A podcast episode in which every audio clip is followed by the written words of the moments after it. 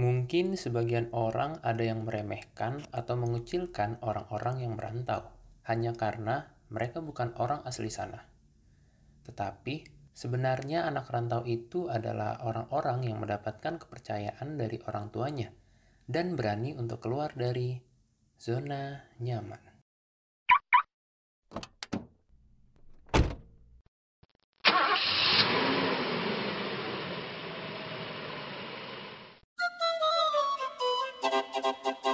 Hai semuanya, kembali lagi di podcast di saat macet. Bersama gua, Alvin Hernanda Putra. Kali ini di episode 20, gua akan ngajak ngobrol temen kuliah gua. Eh, sebut aja namanya Eric. Hey, udah gue panggil Oh, nih. Iya guys, sorry guys. Iya kenalin nama gua Mawar, biasa dipanggil Erik. Nih, nih, nih, nih. Jadi Eric nih temen temen SMA lagi, temen kuliah. Yoms. Jadi gue mau ngobrol-ngobrol sama lu Oh, nih. boleh, boleh. Apa tuh? Eh, sebelum kita masuk ke pembicaraan, gue mau nyeritain dulu. Jadi eh gara-gara lagi pandemi gini nih, Iya, iya. kan gue di rumah ya, gue di rumah. Teman-teman kita yang lain juga pada di rumah kan. Iya. Terus gue mikirin, tiba-tiba lintas aja di otak gue. Teman-teman gue yang anak rantau gimana ya? Pada pulang nggak ya? Gua gua nggak tahu soalnya informasinya yang pada anak-anak teman-teman kita yang rantau termasuk lu nih kan lu anak rantau juga dari Lombok Hmm.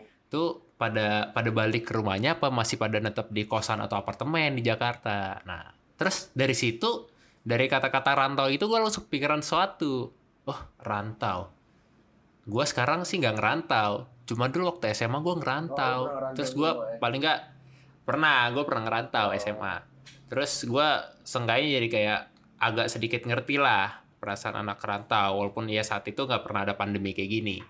Terus gue keinget lu, lu pernah cerita juga waktu SMA lu juga ngerantau, ya kan? Nah. Jadi gue langsung timbul lah sebuah ide. Gimana kalau misalkan gue ngomongin hal-hal yang berkaitan sama anak rantau, tapi nggak pas kuliah, tapi pas SMA. Karena gue jarang banget nemuin teman gue yang ngerantaunya pas SMA gitu. Seringnya kan pas kuliah dan itu emang udah wajar banget kan ya. Soalnya nggak semua daerah ada universitas gitu. Kalau misalkan SMA kan semua semua daerah harusnya ada universitas ada SMA. Nah, cuman buat beberapa orang yang ngerantau pas SMA, ini pasti punya alasan dan cerita yang menarik nih. Nah, salah satunya lu yang mau gue aja. Tentang ngerantau pas SMA nih. Iya dong. Masih inget gak? Ini Ngerantau pas SMA. tiga- bisa bisa sampai tiga hari kita ini. Nah, makanya kita rangkum aja dari cerita tiga hari lu menjadi satu episode aja, Rick. Wah, satu episode aja tuh ya. Oke, boleh, Nah, boleh. satu boleh. episode aja ya. Nih, pertama-tama biar gue udah tahu lu waktu SMA ngerantau di mana. Cuman biar nanti yang denger pada tahu aja. Coba ceritain Iya, iya. dulu lu waktu SMA ngerantau ke mana? Lu kan orang asli Lombok nih, lu ngerantaunya ke mana waktu Ah. dulu? Gue waktu itu ngerantau ke Surabaya. Oke, alasan lu eh, SMA di SMA kan ya? Iya, SMA. Eh, SMA es- al- alasan lu SMA di Surabaya kenapa? Sebenarnya gue dijebak sama emak gue sendiri. Kayaknya udah nggak- kuat mertahanin gue di Lombok. Ini serius, serius. Oke, Jadi ceritanya tuh gini, boy. Waktu itu ada SMA dari Surabaya datang ke sekolah gue kayak promosi gitu ya kan. Nah terus ke SMP, dia datang ke SMP gue, dikasih brosur tuh. Nah, ya gue bodo amat lah kan, gak peduli juga gue. eh bentar bentar bentar bentar gue potong nih, gue potong nih. SMP lu di Lombok apa tapi. SMP gue di Lombok. Lah, kenapa itu SMA nyebarin brosurnya sampai ke Lombok? SMP, SMP gue ternama lah di Lombok gue ya. Jadi Oke, ya walaupun ternama kan ya jauh banget dari Surabaya ke Lombok gitu loh. Oke oke lanjut lanjut. karena karena SMA ini punya asrama, jadi ditawarin juga asramanya gitu. Oh gitu. Oke oke kita oke. ke situ cerita ini dulu ya kan. Oke, oke. Awal-awalnya aja dulu. ya itu gue brosurnya gue bawa pulang ya kan gue taruh di meja besok paginya ini udah udah kelar ujian nih SMP besok paginya gue bangun tiba-tiba mama gue bilang nak udah mama daftarin ya di SMA itu. Hah? Bingung gue kan SMA mana mak? Itu yang brosurnya kamu bawa pulang. Kamu kamu bawa pulang buat ini kan mau daftarin. Wah gila itu Oh, oh jadi menurut nyokap lu, lu bawa pulang brosur SMA itu dikiranya lu tertarik Karena gitu pengen ngasih tau ke lu. Kira gue tertarik padahal nggak sama sekali anjing nggak peduli pun gue sama SMA itu anjing. Berarti kalau misalkan saat itu brosurnya lu buang sebelum lu nyampe rumah, udah lu gak bakal masuk SMA itu. gue gak bakal masuk SMA itu boy Oke, oke, oke, oke. Jadi itulah Nah. kenapa lu Oh, tapi lu mau aja pada saat udah didaftarin itu. apa ya mau bilang mau nggak mau tetap dipaksa karena apa ya gue cerita dikit waktu SMP itu gue bener-bener udahlah ini kayak gelandangan banget nggak jelas ke mana-mana nah akhirnya mak gue juga nggak kuat kan itu mereka mak gue diskusi lah sama bokap gue sampai akhirnya gue dimasukin karena ada asramanya biar gue gitu lah. Oh. Hmm. Oke, oke, oke, oke. Mungkin kelambat kelam boy. mungkin i- eh, nyokap lu juga ini kali ya? Aduh kenapa kenapa baru SMA kenapa nggak dari SMP aja kayak gini gitu kali ya? Hmm, kenapa nggak dari kecil aja gue buang gitu deh mikirannya eh sorry sorry toxic sorry toxic nih ya guys. Oke oke oke. Jadi eh jadi setelah lu lulus SMP di Lombok lu pindah ke Surabaya tuh mulai dari awal SMA berarti awal SMA oke dan sampai lulus sampai lulus dong Nah, oke oke. Nah, kalau gua gua ngerantaunya gua anehnya gini. Eh jadi gua dua kali pindah sekolah. SD SD kelas 4 ini ngikut ngikut bokap gua pindah kerja. Dua kali dua kalinya. oke, SD kelas 4 gue pindah dari SD Bekasi ke SD di Sumatera Barat di Pasaman. Nah, habis itu kela- eh, juga ya. SMP kelas 2 gue pindah lagi dari SMP di Pasaman gue pindah ke SMP di Nganjuk. Nah, itu masih belum bisa disebut perantauan kayak gitu. Soalnya gue masih ikut sama orang tua gue, masih sama. Nah, Oh, tapi tua. pas SMA Benar, pas gue SMA kelas 2 nyokap bokap gue pindah kerja lagi ke Manado. Nah, cuman pada saat itu gue nggak ikut. Nah, jadi gue sendiri di situ. Baru di situ lah gue ngerasa jadi enak rantau. Walaupun itu lebih tepatnya gue ditinggalkan ya dan gue nggak mau ikut gitu. ditinggalkan lah ya Oke oke. Jadi eh, tapi lu di Surabaya ada keluarga waktu itu? waktu itu nggak ada jadi abang gue sekalian dia mau kuliah di Surabaya juga jadi dikira barengan lah gitu jadi abang gue di Surabaya juga samaan gue masuk SMA dia masuk kuliah Oh barengan. hmm. Jadi lu tinggalnya sama kakak sama abang lu di Surabaya. kagak boy kagak gue asrama Oh asrama. Jadi pada saat Hmm. lu SMA di Surabaya, ya adalah beberapa kali lah ya ketemu sama abang lu. nggak ada Sama sekali. gue nyamperin dia tuh kalau dia lagi sakit doang sama pas gue mau balik ke bandara karena deket ini deket bandara kosan dia Oh Males numpang gua, boy. ini. Oh iya iya iya. karena di waktu itu di kondisi itu dia belum ngerokok boy dan gue udah ngerokok gue gue takutnya dicepoin sama si anjing karena pernah gue hampir ribut sama dia gara-gara gue ketahuan ngerokok nah itulah malas gue temuin dia ya kan Wow, alasannya sungguh sangat eh, penting sekali ya. Oke oke oke. Ya, Eh, jadi jadi lu sama kayak gua nih ceritanya nih. Jadi kita ke sama-sama Iya, iya. SMA di suatu tempat yang sendiri nggak ada keluarga di situ. Bisa dibilang lah ya. Oke Bisa oke oke. Eh, pada saat lu masuk ke SMA di Surabaya, nah yang mau gua tanya ke lu itu gimana awal-awal lingkungan eh, SMA lu di Surabaya itu? Teman-teman lu gimana? waduh Ada yang pasti kan lu eh, TK, SD, SMP di Lombok. Pada saat lu pindah ke Surabaya, ini eh, itu suatu yang baru buat lu kan?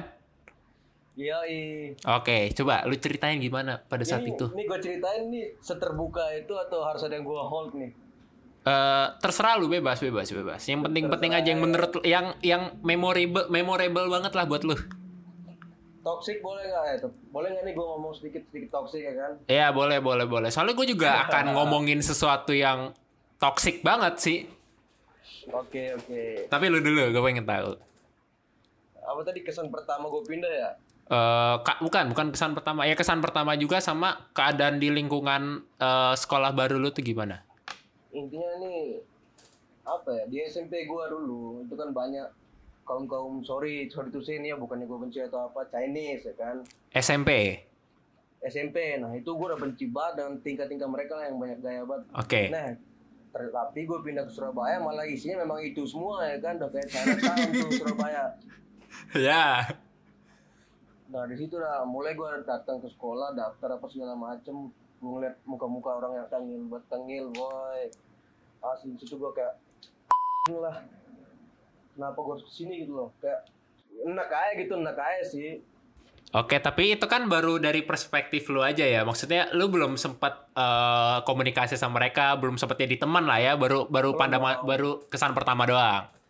baru yang pertama doang. Oke, lanjut lanjut. ya udah tuh. Ini apa nih ceritain tentang gue pertama kali masuknya apa gimana Eh, Pokoknya yang ya, yang hal hal-hal yang berbeda aja yang lu rasain dari saat eh, lu di Lombok udah dari TK sampai SMP, tiba-tiba lu pindah ke Surabaya, hal baru apa yang lu rasain yang ngebedain dari kampung halaman lu? yang gue yang paling gue inget banget sih yang paling gue kenang banget ya gue di sini di Surabaya itu di asrama ya kan itu Oke. dari beberapa dari banyak dari banyak inilah daerah lah dari ada dari Papua Kalimantan apa segala macam Eh, SMA lu SMA apa Riko? Ada asramanya? SMA SMA swasta SMA Santa Agnes Oke. namanya Santa Agnes nah situ gue apa ya kita masuk SMA dari daerah yang berbeda itu juga cara mainnya beda-beda kan pembawaannya juga Hmm. beda-beda nah dari situ gue ya awalnya gue benci banget ya nggak benci sih maksudnya kesel aja cara main mereka ini nggak nggak masuk gitu loh sama cara main gue cuma ya mau gimana pun gue harus adaptasi dong kalau enggak ya gue nggak bisa survive di sini nggak bisa hidup di sini bener nggak Oke. dan keluarga gue yang ya keluarga gue di sana bisa dibilang anak-anak asrama dong Oke, oke, oke. Nah, Nah. dari situ gua ya udah dari situ gua berusaha adaptasi sama anak-anak asrama segala macam. Pada sebenarnya awal masuk pada gengsi sih kenalan orang-orang tuh. Cuma gua ya Oh iya. nggak mau lah. Gua gua nggak mau gengsi lah karena mau sampai kapan diem-dieman gini. Anjing udah kayak pacaran aja diem-dieman gini kan. Orang satu atap Oke, gitu. oke. Kita, kita tidur satu atap masih diem-dieman gini. Eh, Ini belum sama anak Surabayanya ya, maksudnya cuma anak kantor doang. ah, Nah, kayak gitulah. Awal-awal masuk terus terus eh, pada saat lu udah mulai masuk SMA, udah mulai eh, sekolah biasa, itu kan hmm, di sana eh, biasanya eh, buat komunikasi ke teman biasanya itu pakai bahasanya bahasa apa? Bahasa Indonesia kah apa bahasa Jawa? ini sama orang Surabayanya atau sama orang asramanya atau Oh iya, kalau asrama lu banyak banyaknya orang Chinese. Kalimantan ya ada Kalimantan nggak, nggak, nggak juga sih nggak juga sih Ya pokok inilah apa namanya eh, overall lah. Biasanya sehari-hari di sana ngobrolnya pakai bahasa apa? kalau di asrama pakai bahasa Kalimantan biasa bahasa Banjar anak-anak Oh karena banyak banyak yang ngomong bahasa Kalimantan, banyak orang Kalimantan. banyak orang Kalimantan ya jadi kita pakai bahasa biasanya pakai bahasa itu Oke, kalau di Surabayanya? kalau di ya, secara di Surabayanya apa ya jadi gue ke Surabaya pun gue sebisa mungkin nggak ngikutin pergaulan di sana gitu loh yang hedon hedon apa segala macem Ah, ah, oke. Nah itu gue gue nggak ngikut itu tapi gimana gimana caranya gue sama anak asrama bawa justru malah bawa anak-anak Surabaya ini ikut main cara kita dan itu berhasil. Oh, Oke. Eh, terus berarti lu nggak pernah ngerasain dibully sama orang-orang asli sana misalkan? Lu dibully pakai sih- ngomong bahasa Jawa atau sama teman-teman yang bahasa Banjar? Sebenarnya kalau dibully sih apa ya gue nggak nggak pernah ngerasa dibully sih tapi kalau ditantangin di kerjaan apa segala macam tuh gue pernah dan gue nggak diem dong di situ. Apalagi sama orang Cina-Cina Surabaya ini. Oke oke, jadi menurut lu bully atau nggak bully itu tergantung sudut pandang lu sebagai sebagai targetnya gitu ya. Kalau misalkan lu ngerasa lu dibully ya berarti itu eh lu merasa lu eh dikucilin berarti ya lu ngerasa lu dibully. Kalau misalkan lu Iya, ngerasa lu nggak dibully gitu ya. Kalau gue sih ngerasa nggak di nggak dibully ya gue dibully sih enggak sih. Oh oke oke oke paham paham paham. Cuma banyak banyak yang tengil yang sok-sokan gitu loh. Tapi Banyak. ada ada yang ngatain lu pakai bahasa Jawa gitu. Sebelum lu ada, mengerti bahasa ada. Jawa. Oke oke. Pasti ada. Soalnya eh kalau gua ngerasanya dulu gue dibully pada saat gua Hmm. awal-awal pindah sekolah. Baik gue waktu di Pasaman sama gue waktu pindah ke Nganjuk nih. Waktu di Pasaman berarti gue pas SD itu eh dibully. Gue dikatain sama bahasa Padang. Gue dikatain sama bahasa Padang bahasa kasarnya. Dan gue nggak ngerti dong, gue nggak ngerti apa-apa dong. Gue anak Ya Bekasi yang polos, yang yang yang sampai kelas 4 SD tuh gue ya lurus-lurus aja hidup gua. Tiba-tiba pas gua pindah Iya, ke pas gua pindah ke Pasaman. wah parah Ces. Itu Parah, ya. eh, daerah gua itu kabupaten baru pak. Kabupaten Pemekaran yang tempat gue pindah. Jadi baru baru satu tahun apa dua tahun gitu jadi kabupaten. Nah jadi pas gue pindah ke situ Oke, oke. anak-anaknya bisa dibilang banyak yang caur banget. Jadi pas gue pindah ke situ gue dikatain. Gue lupa eh, kalimat fullnya apa. Cuman gue sering banget denger kata-kata pantai pantai pantai gitu. Sumpah Iya, di awal-awal gue pindah. banget, sering banget denger janco-janco anjing. Nah, dikatainnya tapi bener-bener eh, bukan dalam keadaan bercanda sama teman-teman yang lain bukan, bener-bener ditujuin ke gua banget waktu itu. Bener-bener tuh ya. Nah, sama juga gua rasain pas gua pindah ke Nganjuk. Hmm. Sama persis. Gua gua pas awal gua pindah ke Nganjuk tuh gua mikir, ah, masa gua bakal dikatain lagi Ah, sama kayak waktu gua awal-awal pindah ke Pasaman. nggak mungkin dong. Harusnya orang Jawa lebih beretika lah seenggaknya. Dan ini udah SMP Ternyata- juga, harusnya lebih punya otak. Ternyata janco janco janco asu. Sama-sama aja ya.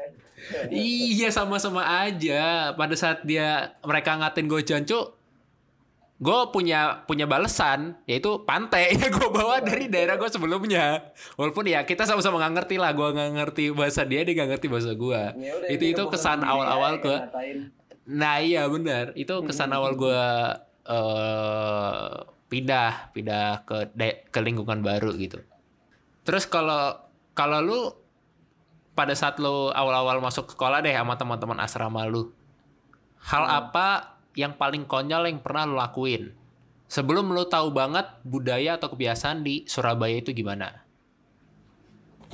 Hal paling konyol selama Iya. gua di asrama nih. Selama lu di asrama yang yang bisa dibilang ini konyolnya, tapi sebelum lu ngerti banget situasi di Surabaya itu gimana. Jadi awal-awal banget lah. Apa ya? Hal konyol mah banyak ya kan. Kayak gua bobol kantin suster tengah malam sama anak asrama. Tuh. Itu padahal kantin yang jagain suster loh anjing. Eh, bobol. sorry, anak-anak asrama berarti anak-anak rantau semua ya? Anak-anak rantau semua. Oh, oke. Oke, oke, oke. Ya banyak sih kayak gitu terus udah sih menurut gue ya ada lagi gue ngerokok di asrama sama anak-anak bawa kasur tidur di atap kayak gitu-gitu hal konyol tapi yang paling pecah sih yang gue bobol ini kantin itu sih banget. Itu motivasi lu apa bubul kantin? ya kebiasaan CS waktu SMP dulu gue di Lombok keliling-keliling ya kan ada Bobol kulkas kantin Coca- juga? kulkas Coca-Cola enggak kulkas Coca-Cola di pinggir jalan tuh gue bobol anjing tai banget ya nonton segitu segitu caurnya anjing Terus lu lakuin itu di SMA. Dan dan gue mau nanya nih, eh, di di SMA lu kan berarti lumayan banyak nih teman-teman lo yang anak rantau juga. Itu kelihatan banget gak bedanya perilaku ya apa apa aja yang ngelakuin sama anak rantau sama anak-anak yang asli Surabaya yang rumahnya di Surabaya. gimana gimana Perbedaan ini yang ya yang dilakuin. Jadi kalau anak-anak asli Surabaya itu kayak gimana? Beda beda nggak Oh, sama oh, anak-anak iya, iya, rantau? Apakah anak rantau lebih apa gitu? Anak Surabaya lebih gimana Ada- ada gitu? jelas Oh, ada- bedanya. ada perbedaan. Perbedaannya, perbedaannya sih cuma tentang menghargai ya. Anak-anak rantau lebih menghargai lah daripada anak-anak yang asli dari Surabayanya. Oh, gimana tuh maksudnya tuh? Kayak menarik nih. Menghargai dalam arti apa? Menghargai dalam ya kalau kita ada kekurangan apa segala macam, anak asrama tuh ya menghargai malah menolong segala macam. Tapi kalau di anak-anak Surabaya aslinya ini nih malah mandangnya sebelah mata gitu lah kayak nggak dianggap dikucilin kayak gitu cuma gue nggak peduli mereka mau anggap apa juga kayak gitu lah Oh, jadi jadi eh, coba gua lebih perjelas lagi. Jadi anak-anak asli sana itu kayak mandang sebelah mata anak-anak rantau kita ada anak asrama gitu ya? ya nggak nggak seluruhnya sih cuma Oke, ya Kebanyakan ada lah gitu. sebagian. Oh, kebanyakan justru ya. kebanyakan Alasannya apa? Emang emang se se secaur itu kah teman-teman lu dan lu waktu waktu di asrama dulu? apa ya konteksnya itu yang mereka tangkap ini anak asrama dari daerah kayak nggak punya apa-apa gitu. Ah kayak gitu di otak mereka. Yang gue tangkap ya. Anak-anak na- nakal lah ini ya kalau bahasa umumnya gitu mungkin ya. Eh, bu ya nggak nggak bisa dibilang nakal juga sih. Tapi kayak apa sih misalkan anggapan gue orang Surabaya terus misalkan teman gue ada orang rantau tuh kayak ah anjing nih orang miskin nih dari rantau nih. Oh, oke oke. Ya ya pam pam pam pam pam pam pam. Makanya itulah yang ngebuat seperti ada jarak antara anak kerantau atau anak asrama di sana sama teman-teman lo yang rumahnya di asli Surabaya situ. jarak pasti ada cuma ya gue sama anak asrama ini malah narik mereka gitu loh tujuan kita yang narik mereka Oh. main bareng bukan mereka yang narik kita Oke oke oke oke oke oke pam pam pam pam pam pam. Soalnya gua nggak terlalu ini nih, nggak terlalu bisa relate sama sama apa yang lu eh, omongin barusan. Karena pada saat gue SMA bisa dibilang yang ngerantau itu ini sejauh gua nginget-nginget ya, bisa dibilang yang ngerantau itu cuman gua. Hmm, ya wajar soalnya lah, soalnya SMA gua beda. nggak ada nggak ada ini, nggak ada asrama kayak SMA lu. oh oke oke I see I see Oke, terus berarti satu asrama itu berapa jumlahnya, Rik? Sat- satu angkatan gue paling 21 orang doang Oke, berarti 21 orang itu semuanya eh, anak rantau semua. Iya anak rantau semua, tapi yang bertahan sampai akhir tuh paling cuma 11 sampai 13 orang lah. Nah, sisanya cabut gitu. Beda Kamu, sekolah. Oh, oke, oke. Sama main asrama, Berarti lu salah satu dari 11 orang yang kuat ya? bangsat. Yang yang kuat iya bener yang kuat bukan yang keluar ya. Eh, iya yang kuat dong, yang kuat dong. Gimana sih gue lagi muji lu nih? Oh iya.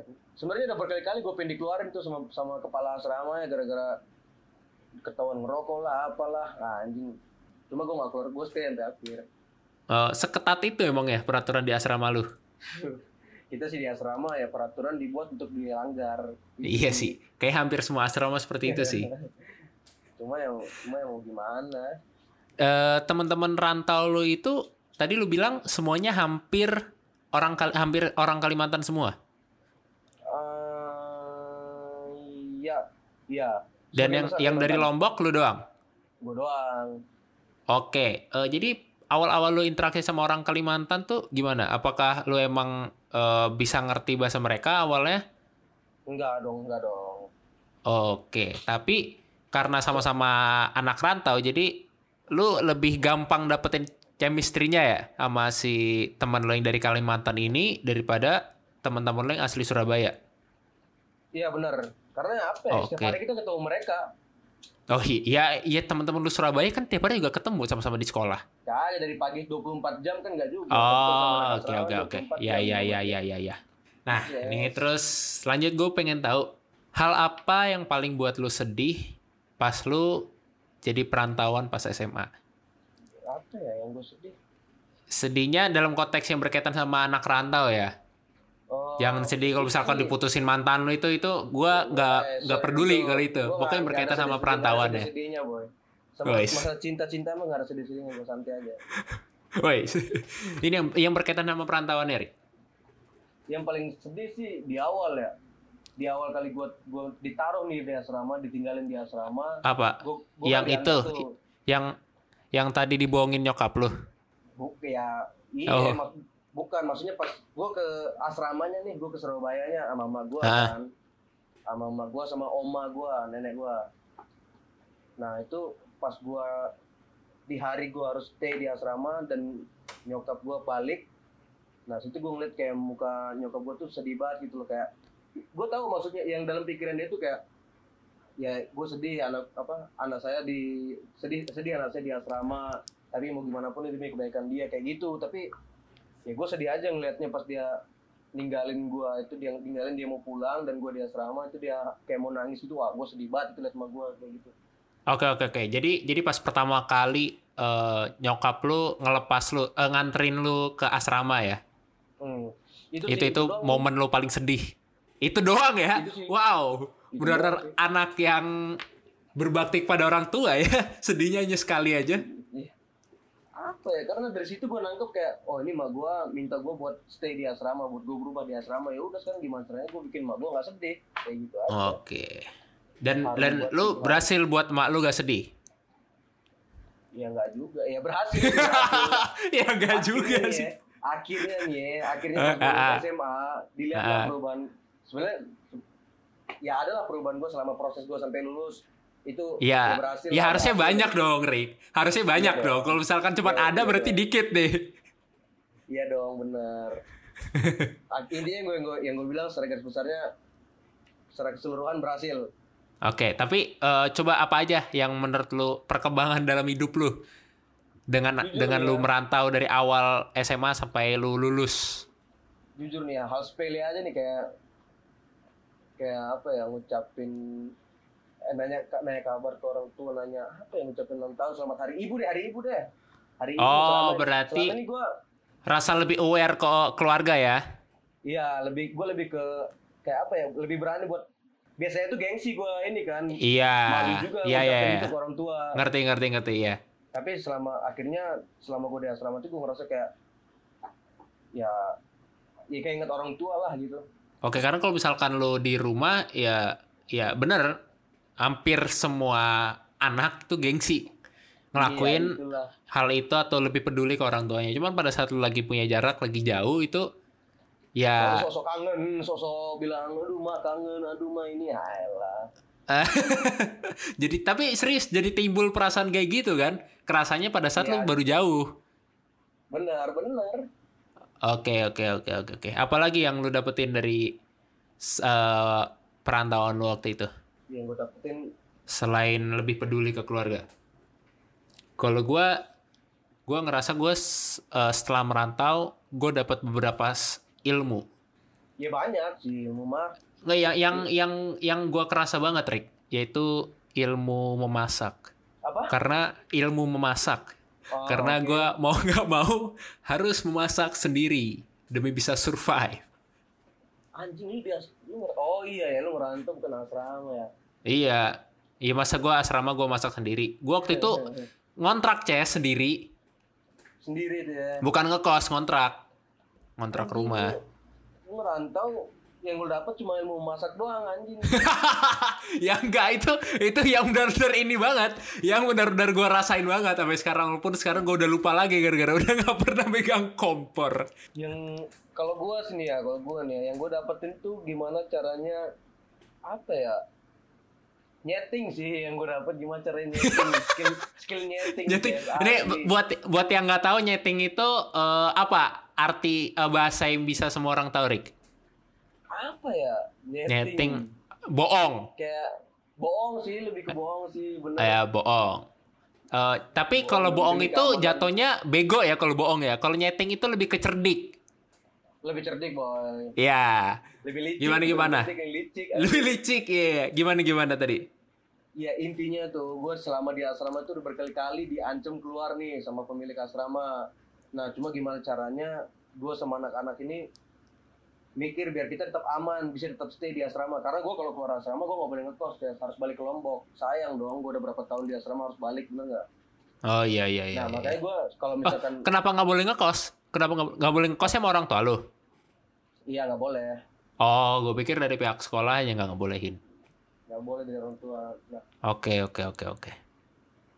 nah Oke. contohnya nih, contohnya kayak ketahuan puntung rokok nih sama penjaga asrama. Hmm. Terus diselidiki ternyata ada gua terlibat di dalamnya. Nah itu udah diancam keluar tuh. Bukan diancam udah disuruh keluar malah. Nah cuma gua Oh. nah gimana caranya gua nyakin sama gua kalau itu bukan rokok gua? Dan gimana caranya gua buat cerita sama anak-anak kalau itu bukan rokok gua? Bukan rokok kita. Ya udah kita bilang Iya, aja rokok iya. tukang anjing kayak gitu. Loh tapi tapi emang ada tukang di situ. tukangnya nggak naik ke tempat kita ngerokok tapi terus tukangnya di bawah Ya tapi seenggaknya ada tukang kan di lingkup sekolah lu lagi tukang, ada lagi ada tukang. iya Ntar jangan di sekolah lu lagi nggak ada tukang tiba-tiba lu nyebut tukang. Kagak lagi. Itulah pokoknya gimana cara kita nyeting lebih ke situ lah pokoknya lebih Oke oke oke oke.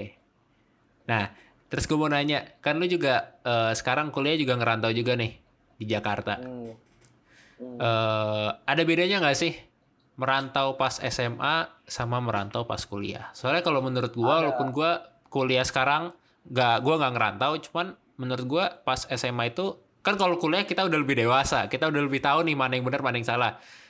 eh jadi pas SMA itu menurut gua ngerantau itu udah sesuatu yang hebat kalau misalkan dia bener sampai sampai berhasil sampai lulus gitu. Soalnya lebih banyak pasti tantangannya pas SMA. Dan SMA itu kan masa nakal-nakalnya orang kan bisa dibilang. Iya benar. Ya, menurut lu apa kalau menurut lu bedanya? Bedanya ya apa ya? Bisa kalau kita masuk ke ini nih masuk ke pas gue ngerantau nih yang gue rasain gue masuk ke rantau Iya. di SMA Hmm. itu ya temen-temen gue masih ya pemikiran kita juga masih bocil-bocil ya gimana cara kita bisa main bisa bisa main terus gimana cara kita bisa happy happy terus Oke. Kita mikir sekolah karena kita pasti lulus gitu loh kayak Karena kita masih lulus. pasti lulus tes swasta ini kalau nggak lulus mah gila juga dia nah terus Ya, tapi nggak ada kemungkinan buat nggak naik kelas tuh ya. Oh naik kelas pasti tetap ada kemungkinan anjing kalau nggak naik kelas mah Oh gitu. Ya itu harusnya yang lu pikirin pada saat itu. ah enggak Ta- tapi lu tiga tahun kan SMA?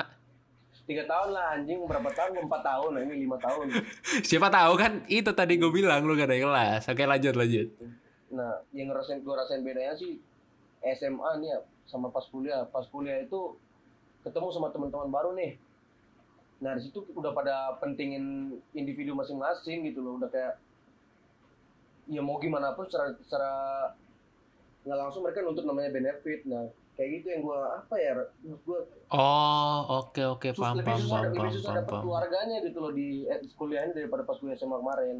Oke jadi eh, kalau misalkan pas lu SMA itu karena peak mindsetnya masih pada remaja masih pada kayak mindset anak SMA jadi masih mikirin kekompakan bareng-barengnya gitu gimana Iya. caranya lu bisa have fun bareng bisa happy bareng gitu ya Iya, Kalau misalkan pas- nggak perlu dipikirin juga tuh tiba-tiba udah kebentuk kayak kita have fun, udah apa. ya udah alami aja gitu ya tapi kalau misalkan pas Hmm. kuliah itu udah punya seperti mindset masing-masing udah punya tujuan masing-masing Iya. nih udah walaupun- hidup oke kayak walaupun punya teman kumpul ya tetap punya tujuan masing-masing gitu nggak bisa jadi kompak Iya, jadi satu banget gitu ya masing-masing. Mm, bener. oke Eh, kalau buat berat beratan mana lu rasain pas merantau pas SMA apa pas kuliah Ini ada yang perlu gua tutupin apa gimana ya anjing? Ya udah jawaban ini lah formalnya lah. Yang lebih berat sih di Surabaya karena pertama kali ngerantau ya kan itu oh gitu Sebenarnya mah kan nih kalau mau jujur-jujuran nih bisa tiga hari nih podcast nih nggak satu episode tuh kelar tiga hari ya. lu jawab aja yang yang menurut lu aman lah buat lu yang nyaman dan aman lah SMA tuh ya karena karena SMA. pertama kali alasannya Karena pertama kali bener. Oke. Walaupun kuliah sebenarnya banyak banyak banyak banyak banyak Oh, wadahnya lah ya. enggak dong enggak kuliah mah ada sipil di gua kuliah boleh gue ceritain nggak dikit nih gue kuliah di mana apa segala macam Oh ya boleh nggak apa-apa. Ceritain Gua kuliah di aja. sipil gue kuliah di sipil Trisakti ya ini kita diajarin buat kompak lah di sini maksud gua udah enak aja gitu loh ada yang ngajarin kita beda sama pas di asrama dulu kita harus ngebentuk sendiri Oh itulah yang buat lu ngerasa lebih berat ya di asrama gitu ya. di asrama benar kayak gitu Oke, karena ya harus lu sendiri yang punya inisiatif buat kompakin. nggak ada yang ngebimbing Iya, gitu ya. Iya, bener dong. Bener dong. bener Oke, oke. eh Pin lu bukannya teman kuliah gue Pin ya Seakan-akan gue gak tahu ya, gue orang ketiga banget seakan-akan ya. Oke, oke, ini terakhir nih. Terakhir, terakhir. Gue mau Nah, nanya. terakhir aja cepet kali nih Oh, lu masih mau lanjutin yang tadi kuliah? lanjut lah Eh, lanjut, lanjut, lanjut, lanjut. Lu cerita, pas kuliah gimana? Enggak, enggak. Maksudnya kita omongin apa kayak gitu, Mas. Udah kelar gini aja kayak. Apa ini, ini terakhir soalnya eh bermanfaat nih pertanyaannya. Buat yang denger mungkin. Nah, apa lu taruh di akhir sih yang bermanfaat ya coba apa? Nah, justru di akhir biar orang tahu dulu nih busuk-busuknya lu. Dan itu pasti udah dengerin sampai akhir. Ya baru tahu oh Erik tuh ternyata gini. Oh. Walaupun gua nggak tahu ya pada dengerin sampai akhir apa enggak. Anjing, ya oke oke boleh. Wah, harus sampai akhir dong. Anjing bintang tamunya Erik Muri nih. Oke. Oke, lanjut gimana? Oke oke, ini eh, terakhir gue mau gue mau tahu dari lu, menurut lu keuntungan dari merantau itu apa? Yang benar-benar lu rasain dari dulu sampai sekarang. Apa ya? Eh, gua pertama lebih punya banyak teman dong, bener pasti kan. Oke, bener bener banget tuh. Nah, Soalnya kalau misalkan lu nggak merantau, temen lu pasti lombok-lombok itu lagi, itu lagi gitu kan? bener ya cara mainnya cara mainnya pun sama gitu lagi gitu lagi Iya. Sekarang lu jadi punya teman Surabaya, jadi punya teman Jakarta, gitu kan? ya benar Oke oke. Sama Terus gue juga lagi- sama. Punya temen di Kenapa tuh? Sumatera, punya temen di Nah, Nganjuk. makanya itu enaknya Iya. CS gue punya teman di mana-mana Oke. jurusannya beda-beda Lanjut. ntar kerja enak kan. Iya bener, banyak koneksi. Nah. Lanjut lanjut. lanjut kayak ya gue dapat skill adaptasi juga gimana caranya kita Iya, benar. ber- beradaptasi di tiap lingkungan yang beda yang kita masukin benar benar benar banget kita harus bisa mengha- lebih menghargai sih dapat ilmu menghargai juga tuh gimana caranya kita bisa menghargai orang sampai dapat respectnya gitu loh respect yang bukan benar-benar ya respect yang benar bukan cuma sekedar apa ya menghargai karena ada duitnya menghargai karena takut dia badannya gede apa enggak. Benar-benar Hmm. diajarin kita respect sama gitu. Kekeluargaan lah. Oke oke oke. Oke bener sih. Ada lagi? Itu sih ilmu yang paling penting nih buat yang bener-bener lu serep banget tuh ya. Iya, pokoknya lu ah udahlah kalau lu susah banget dijelasin. Kalau lu pengen tahu lu ngerantau aja dah. Nanti Gitu ya? pengen- itu pesan dari lu ya Iya, kita kalau ngerantau itu kita harus kita harus nentuin kita mau ambil cara mau ikutin cara main yang mana, mau ambil keputusan tuh ngikutin tetap ngikutin dengan kebiasaan buruk daerah situ atau Mhm. malah ki- kita bawa kebiasaan baik kita buat berubah orang-orang situ kayak gitu sih. Oke, benar. Berarti antara lu mau ngikutin cara mereka atau lu punya pendirian sendiri dan kalau bisa lu buat mereka justru ngikutin pendirian lu atau cara main lu. Yoi. Iya. Oke. Oke, oke, oke, oke. Jadi sebenarnya emang ada banyak cuma ya intinya kalau lu mau ngerantau eh kalau lu mau tahu lu ngerantau aja dah kalau kalau Lu rasain tuh ya, eh, lu manis pahitnya. tuh baru tahu benar kayak gitu ya jadi perantau SMA pas SMA atau pas kuliah itu intinya sama aja sebenarnya kan. Sama-sama Sama nyari aja ilmu. Ya ya bandel nggak apa-apa, cuman tetap harus tujuannya ya buat banggalah orang-orang di rumah yang udah benar ngepercayain lu. Itu kan lu berarti dipercaya dong. iya Kalau misalkan orang tua lu nggak percaya lu, dipercaya atau gue diusir atau dibuang kan nggak tahu nih. Ya gue posisi aja dipercaya. Gua perbedaan aja dipercaya. sama dibuang tipis deh ya perbedaannya ya. tipis Ces, tipis. Positif lah, positif lah, anggap Positif dipercaya. Nah, masa gue dibuang keluarga ya kan kalau misalkan nggak dipercaya kan berarti ya lu nggak bakal dibolehin keluar keluar daerah, keluar kampung lu berarti kan.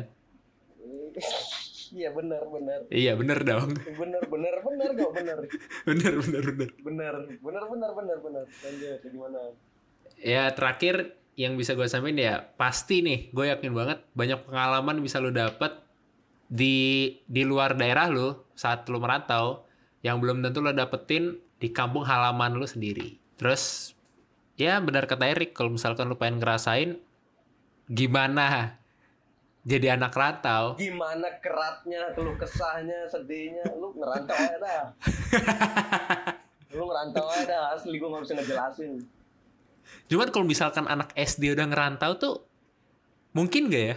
mungkin dong Mungkin dong. Bisa nggak tapi Mungkin sih mungkin. Bisa nggak tapi dia? Sebenarnya tapi gue gak yakin sih karena Nggak apa yakin. ya, Harus ada sengaja ada ada keluarga lah kayak om gitu atau tante. iya Ya. karena kalau masih SD anjing masih bocil belum punya pendirian anjing paling cuma bisa main ML anjing di- ditipu-tipu dibodoh-bodohin kayak gitu loh takutnya dari Ap- SD apalagi- dia anjing Nggak bisa salah pergaulan tuh ya gara-gara salah pergaulan. Jess. Apalagi kalau TK. Hmm. Itu orang tuanya tolol namanya TK disuruh ngerantau anjing. Apalagi disuruh hidup sendiri anjing. Udah udah udah udah. Udah gak karuan nih, udah gak karuan nih omongannya deh. Udah udah kita tutup aja deh. orang tuanya berarti nggak punya otak anjing. Kalau anaknya masih TK ya udah dibuang sendiri anjing. Bangsat. Dan dan dan nggak usah pikirin orang tuanya deh. Dan apa yang bisa lu ambil buat dari dari eh, pada saat lu ngerantau pas TK gitu apa yang bisa lu ingat pada saat dewasa kalau lu pas TK dulu lu ngerantau eh pas kalau TK dia ngerantau nih udah disuruh jadi pengamen di pinggir jalan anjing semua orang diculik. Menurut gua nggak mungkin, nggak mungkin masih kecil Nggak mungkin ya? Karena nggak bisa jaga diri, belum bisa jaga diri boy. oke oke oke oke kita tutup aja episode 20 podcast di saat macet eh, mengenai keluh kesah mantan anak SMA perantauan masih bangsat. Oh masih ya masih ya. Oh berarti gue yang mantan nih. Tapi, tapi kan anak SMA. Kita konteksnya SMA. Iya, mana Ya. Oke, oke. Oke, boleh. yaudah. Thanks banget Rick udah meluangkan waktu buat berbincang-bincang. Udah 40 menit nih kita ngobrol. Ya. Oke deh Gua kita. titip pesan boleh nggak? Pesan nih buat orang-orang nih. Oh iya boleh boleh boleh. Terakhir terakhir titip pesen Ya. nih. ini buat orang-orang bocil-bocil ganggu yang pengen ngerantau atau eh yang hidupnya nggak jelas nih atau orang tua orang tua juga yang bingung anaknya diri kayak gimana Yang terlalu anak mami.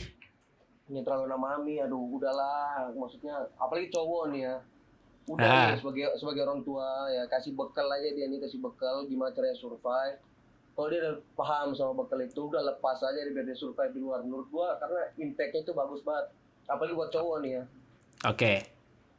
benefitnya tuh aduh pokoknya udahlah itu upgrade diri anak itu buat anaknya jadi sukses juga kasih ngerantau aja daripada dia Oke.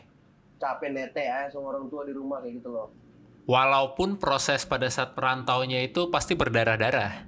pasti bener sih darah-darah pasti bener Iya kan? cuma Nah iya. itu yang ngebentuk lo gitu loh itu yang ngebentuk lo Oke deh. Kita tutup aja episode 20. Gua Alvin. gua mawar Kita pamit. Bye. bye